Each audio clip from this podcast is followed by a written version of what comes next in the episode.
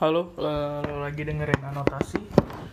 Em, gue lagi siap-siap mau check out, jadi daripada bengong kedumbrangan beresin barang, gue semalam ngobrol sama teman kamar gue. Iya iya, gue sharing room ngomongin soal karir sih. Kebetulan gue dan teman gue lagi sama-sama anak baru eh terus ngobrol langsung proyek lo seberapa lama? Lo bakal stay di perusahaan ini? Terus em, tiba-tiba dia langsung bilang lu pasti nggak lama nih. Gue langsung kaget kenapa? Ya pastilah kok so tau gitu jadinya? Terus ya gue tanyain balik kalau lu gimana? Ya gue sih pengennya lama. Kalau enggak ya gue cabut lagi. Dia ya ya se- ketika gue tanyain alasan lo apa sih kalau pindah kerja? Ya biasanya sih pasti karir lah. Gue gue sih selalu bilang ah bohong lo karir. Pasti duit ya itu kan mengikuti. Jadi kayaknya gaji tuh masih jadi motif utama sih ya. Masih jadi motif utama eh, ketika lo memutuskan untuk pindah kerja. Nah, ketika dia nanya gue kenapa sih lo pindah-pindah gitu, gue sih selalu bilang ya hubungan kita dan pemberi kerja kan sebenarnya hubungan relasi bisnis relasi bisnis semata.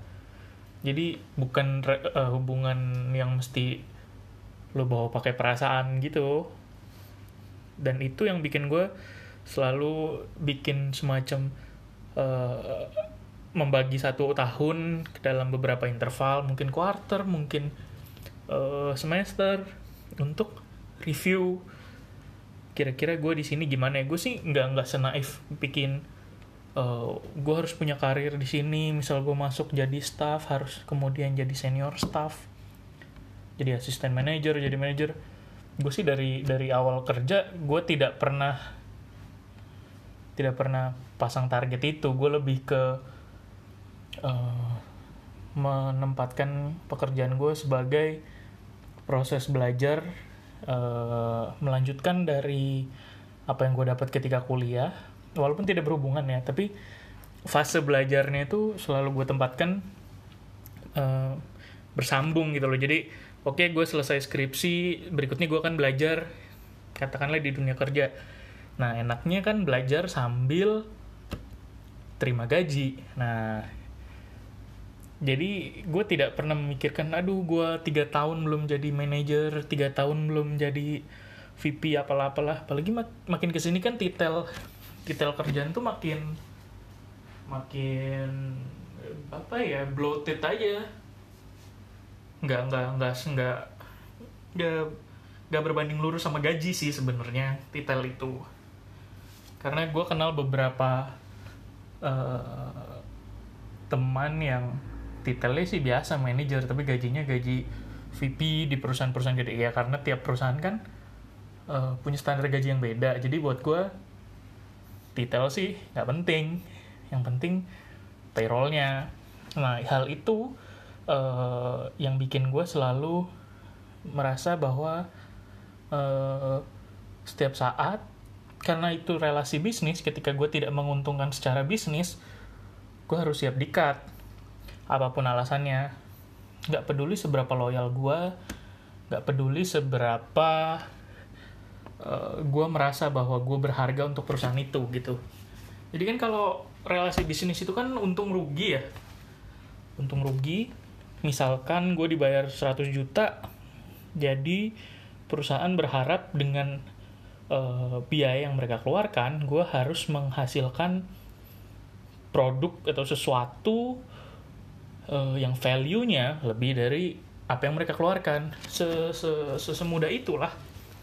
Tapi kalau ternyata perusahaan merasa, merasa bahwa ya ini anak gue bayar segini nggak ngapa-ngapain ya udah.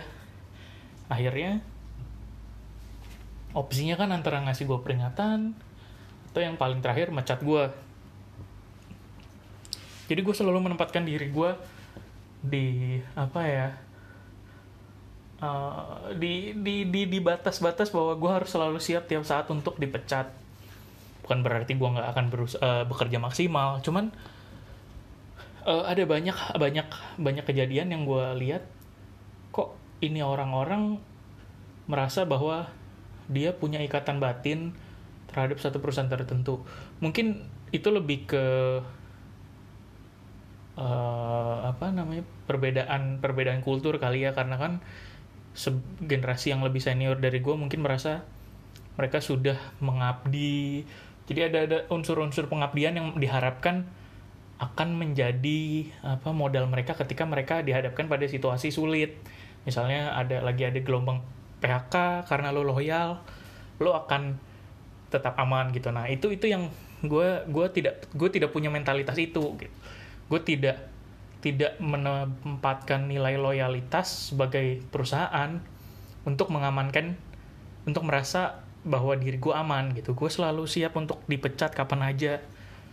Semoga sih uh, eh, gue bisa punya mentalitas ini terus karena mentalitas ketakutan akan kehilangan pekerjaan itu kan membuat lo membuat lo untuk tetap apa ya uh, waspada sih lo akan tetap buka opsi terhadap pekerjaan-pekerjaan yang lain gitu. Tapi kalau orang dengar orang-orang dengan paradigma yang berbeda pasti bilang wah lu nggak loyal, lu belum belum apa apa udah siap, lu belum apa apa udah siap uh, pindah segala macam. Nggak ada sih. Gue gue bisa kok kerja bahkan hampir sampai hampir uh, mungkin lebih dari setahun dua tahun hampir tiga tahun tuh sebenarnya kalau nggak ada nggak ada masalah Iya, gue akan tetap di situ aja gitu sampai gue dapat satu opsi kesempatan baru yang lebih bagus. Tentu dengan uh, idealnya ada kenaikan gaji atau jika memang harus uh, gajinya tidak naik, ada sesuatu yang gue rasa bisa gue dapatkan di kesempatan baru itu yang nantinya bisa uh, jadi batu loncatan gue ketika gue pindah ke uh, kolam berikutnya gitu. Nah, uh, ketika gue ngobrol itu ke temen gue temen gue bilang iya sih gue juga mikir gitu nah yang menarik adalah temen gue ini juga kerja latar belakang pendidikannya mirip sama gue jurusannya terus sama-sama uh, bukan orang yang andal untuk uh, coding jadi kami memilih jalur yang berbeda tapi masih berkaitan dengan dunia teknologi, dengan industri teknologi, tapi tidak sebagai pemeran utamanya. Karena buatku pemeran utamanya tetap engineer yang jago coding. Nah, ketika itu uh, teman gue langsung bilang, ehm, emang ini perusahaan ke, lo keberapa sih? Gitu. Jadi jadi sebelum dia se -se uh, sebelum dia nanya ini dia udah nebak gue akan pindah. Gue cerita ya kalau perusahaan full time sih mungkin ke berapa sekitar ke mungkin nggak sampai nggak nyampe 10 lah. Tapi gue kan uh, dalam rentang waktu itu gue juga punya kerjaan-kerjaan remote yang gue lakukan. Ya intinya kalau kerjaan remote sih lebih ke ada orang butuh uh, expertise gue mungkin mereka mereka merasa gue punya expertise. Gue diberikan satu tanggung jawab. Ya gue dapet duit uh, sebagai imbalannya. Uangnya gue simpen buat biaya kuliah. Nah ya ya ya semodel itulah. Gue nggak yang bukan orang yang ngoyo banget sih cari duit karena gue dari dulu nggak pernah kepikiran kalau gue bakal jadi orang kaya gitu. Jadi kayak rezeki yang gue terima ya oke okay lah gitu. Jadi um, ketika ketika gue bilang itu oh dia lu pindah-pindah. Jadi seperti yang kemarin tempat gue bahas uh, di episode sebelumnya gue tuh selalu suka interview selalu suka selalu suka ngobrol sama recruiter. Kadang kan kalau lo udah lewat fase recruiter lo akan ketemu leadershipnya dari si level atau bahkan sekedar manager atau senior manager.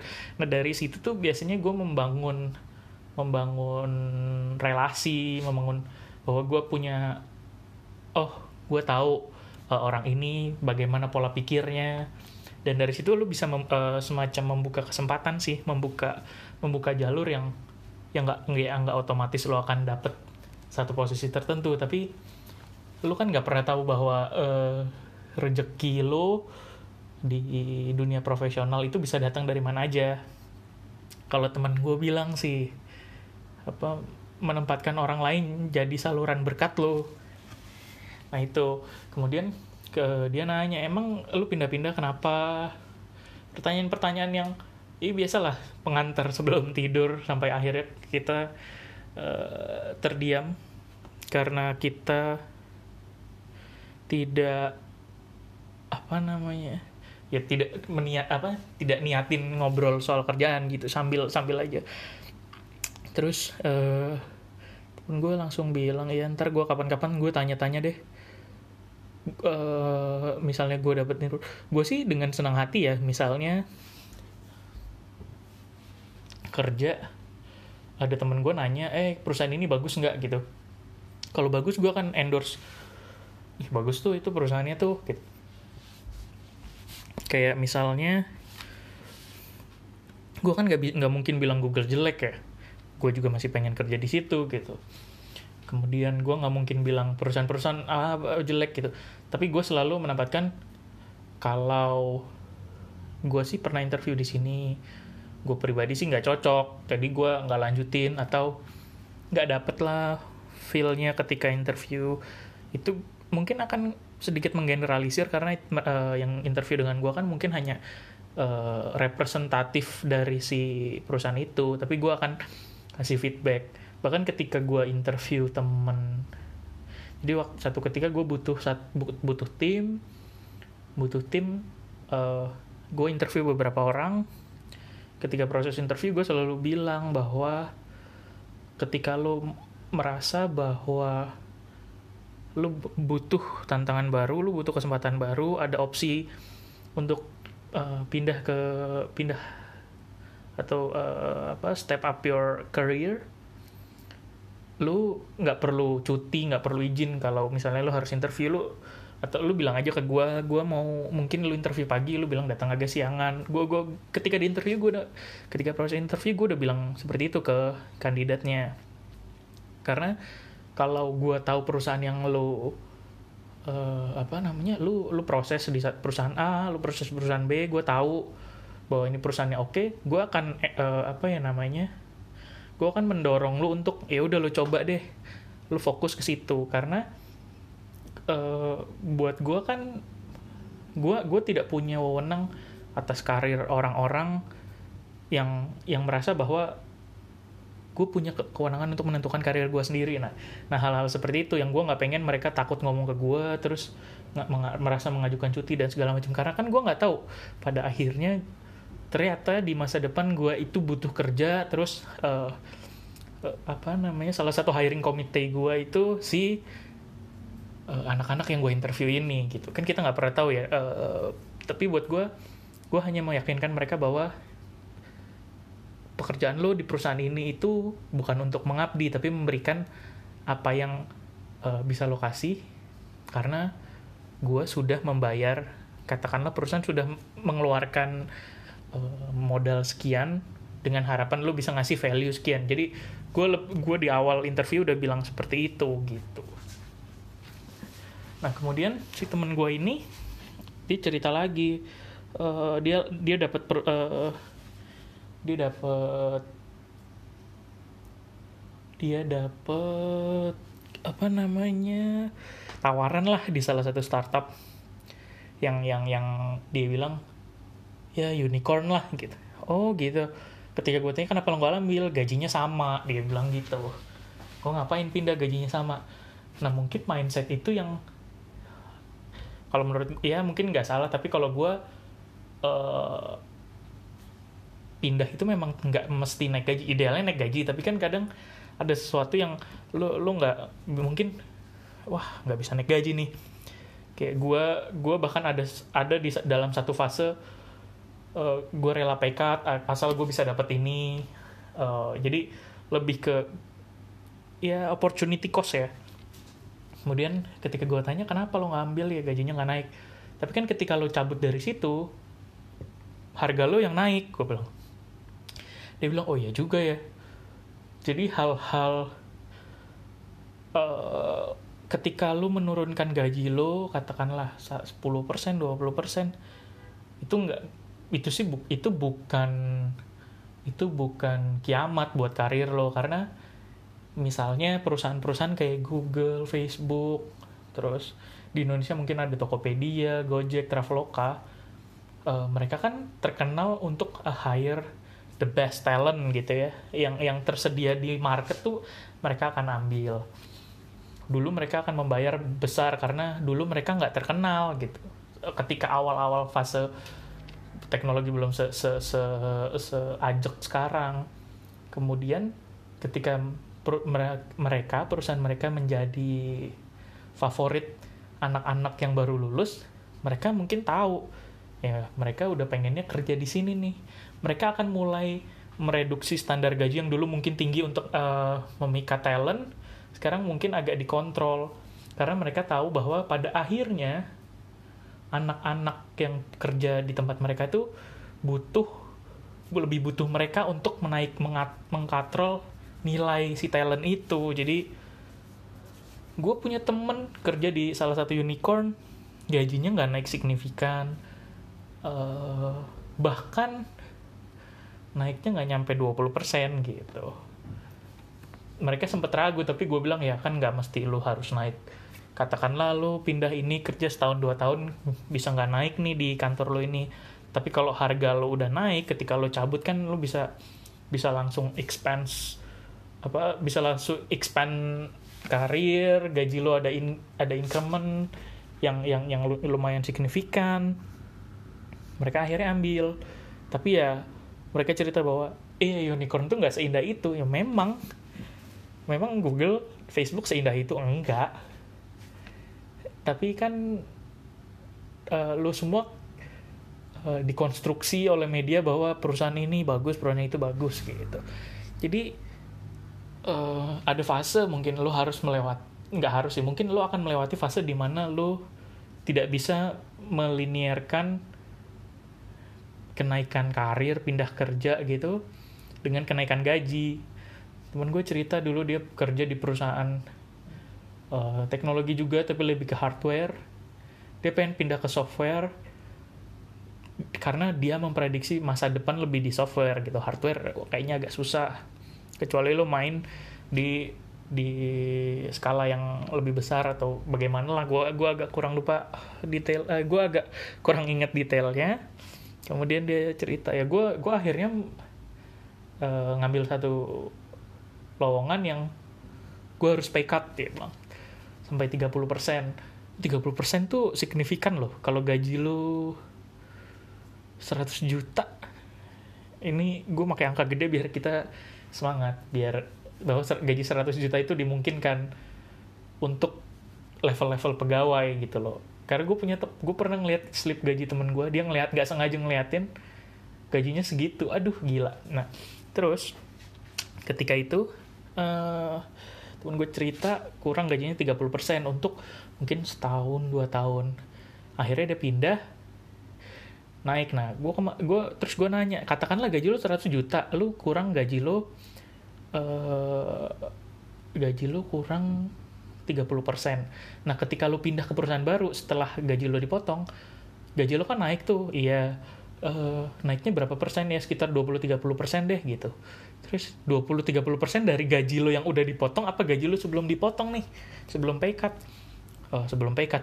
Wow, berarti kan lompatannya besar ya karena katakanlah gajinya dia 70 juta terus 30 dapat 30% dari 100 juta itu udah 60% naiknya dan hal-hal itu tuh mungkin jadi kalau lu memang ingin memulai karir emang gaji itu nggak bisa jadi variabel variabel utama kayaknya. Ketika lu menentukan oh ini perusahaan yang akan gue pilih gitu. Toh kayaknya di perusahaan-perusahaan teknologi apalagi kalau lo lo engineer dan dan dan di divisi produk teknologi dan segala macam mereka sudah punya standar yang jauh di atas UMR mungkin bisa dua kali bahkan tiga kali gitu. Jadi kalau menurut gue sih gitu. Jadi gaji itu memang nggak nggak nggak mandatori harus selalu besar sih. Kalau besar ya bagus. Tapi kalau mungkin uh, lebih lebih apa namanya lebih kecil tapi lu bisa mendapatkan kesempatan lain ya nggak apa-apa. Nah ketika ternyata kesempatan yang dijanjikan atau apa apa pun yang dijanjikan tidak diberikan ya udah lu pindah aja. Sesederhana itu sih. Nah kemudian kalau dulu pernah di, pernah ceritakan salah satu unicorn punya buka kantor di Jogja. Terus nggak lama kantornya ditutup gitu. Uh, engineer engineernya banyak yang menolak gabung untuk pindah ikut ke Jakarta. Nah engineer engineer di Jogja ini merasa bahwa walaupun mereka dikasih gaji Jakarta tapi mereka nggak pengen hidup di Jakarta gitu. Mereka lebih suka hidup di Jogja syukur-syukur gaji Jakarta atau gajinya lebih gede deh dari yang standar di Jogja.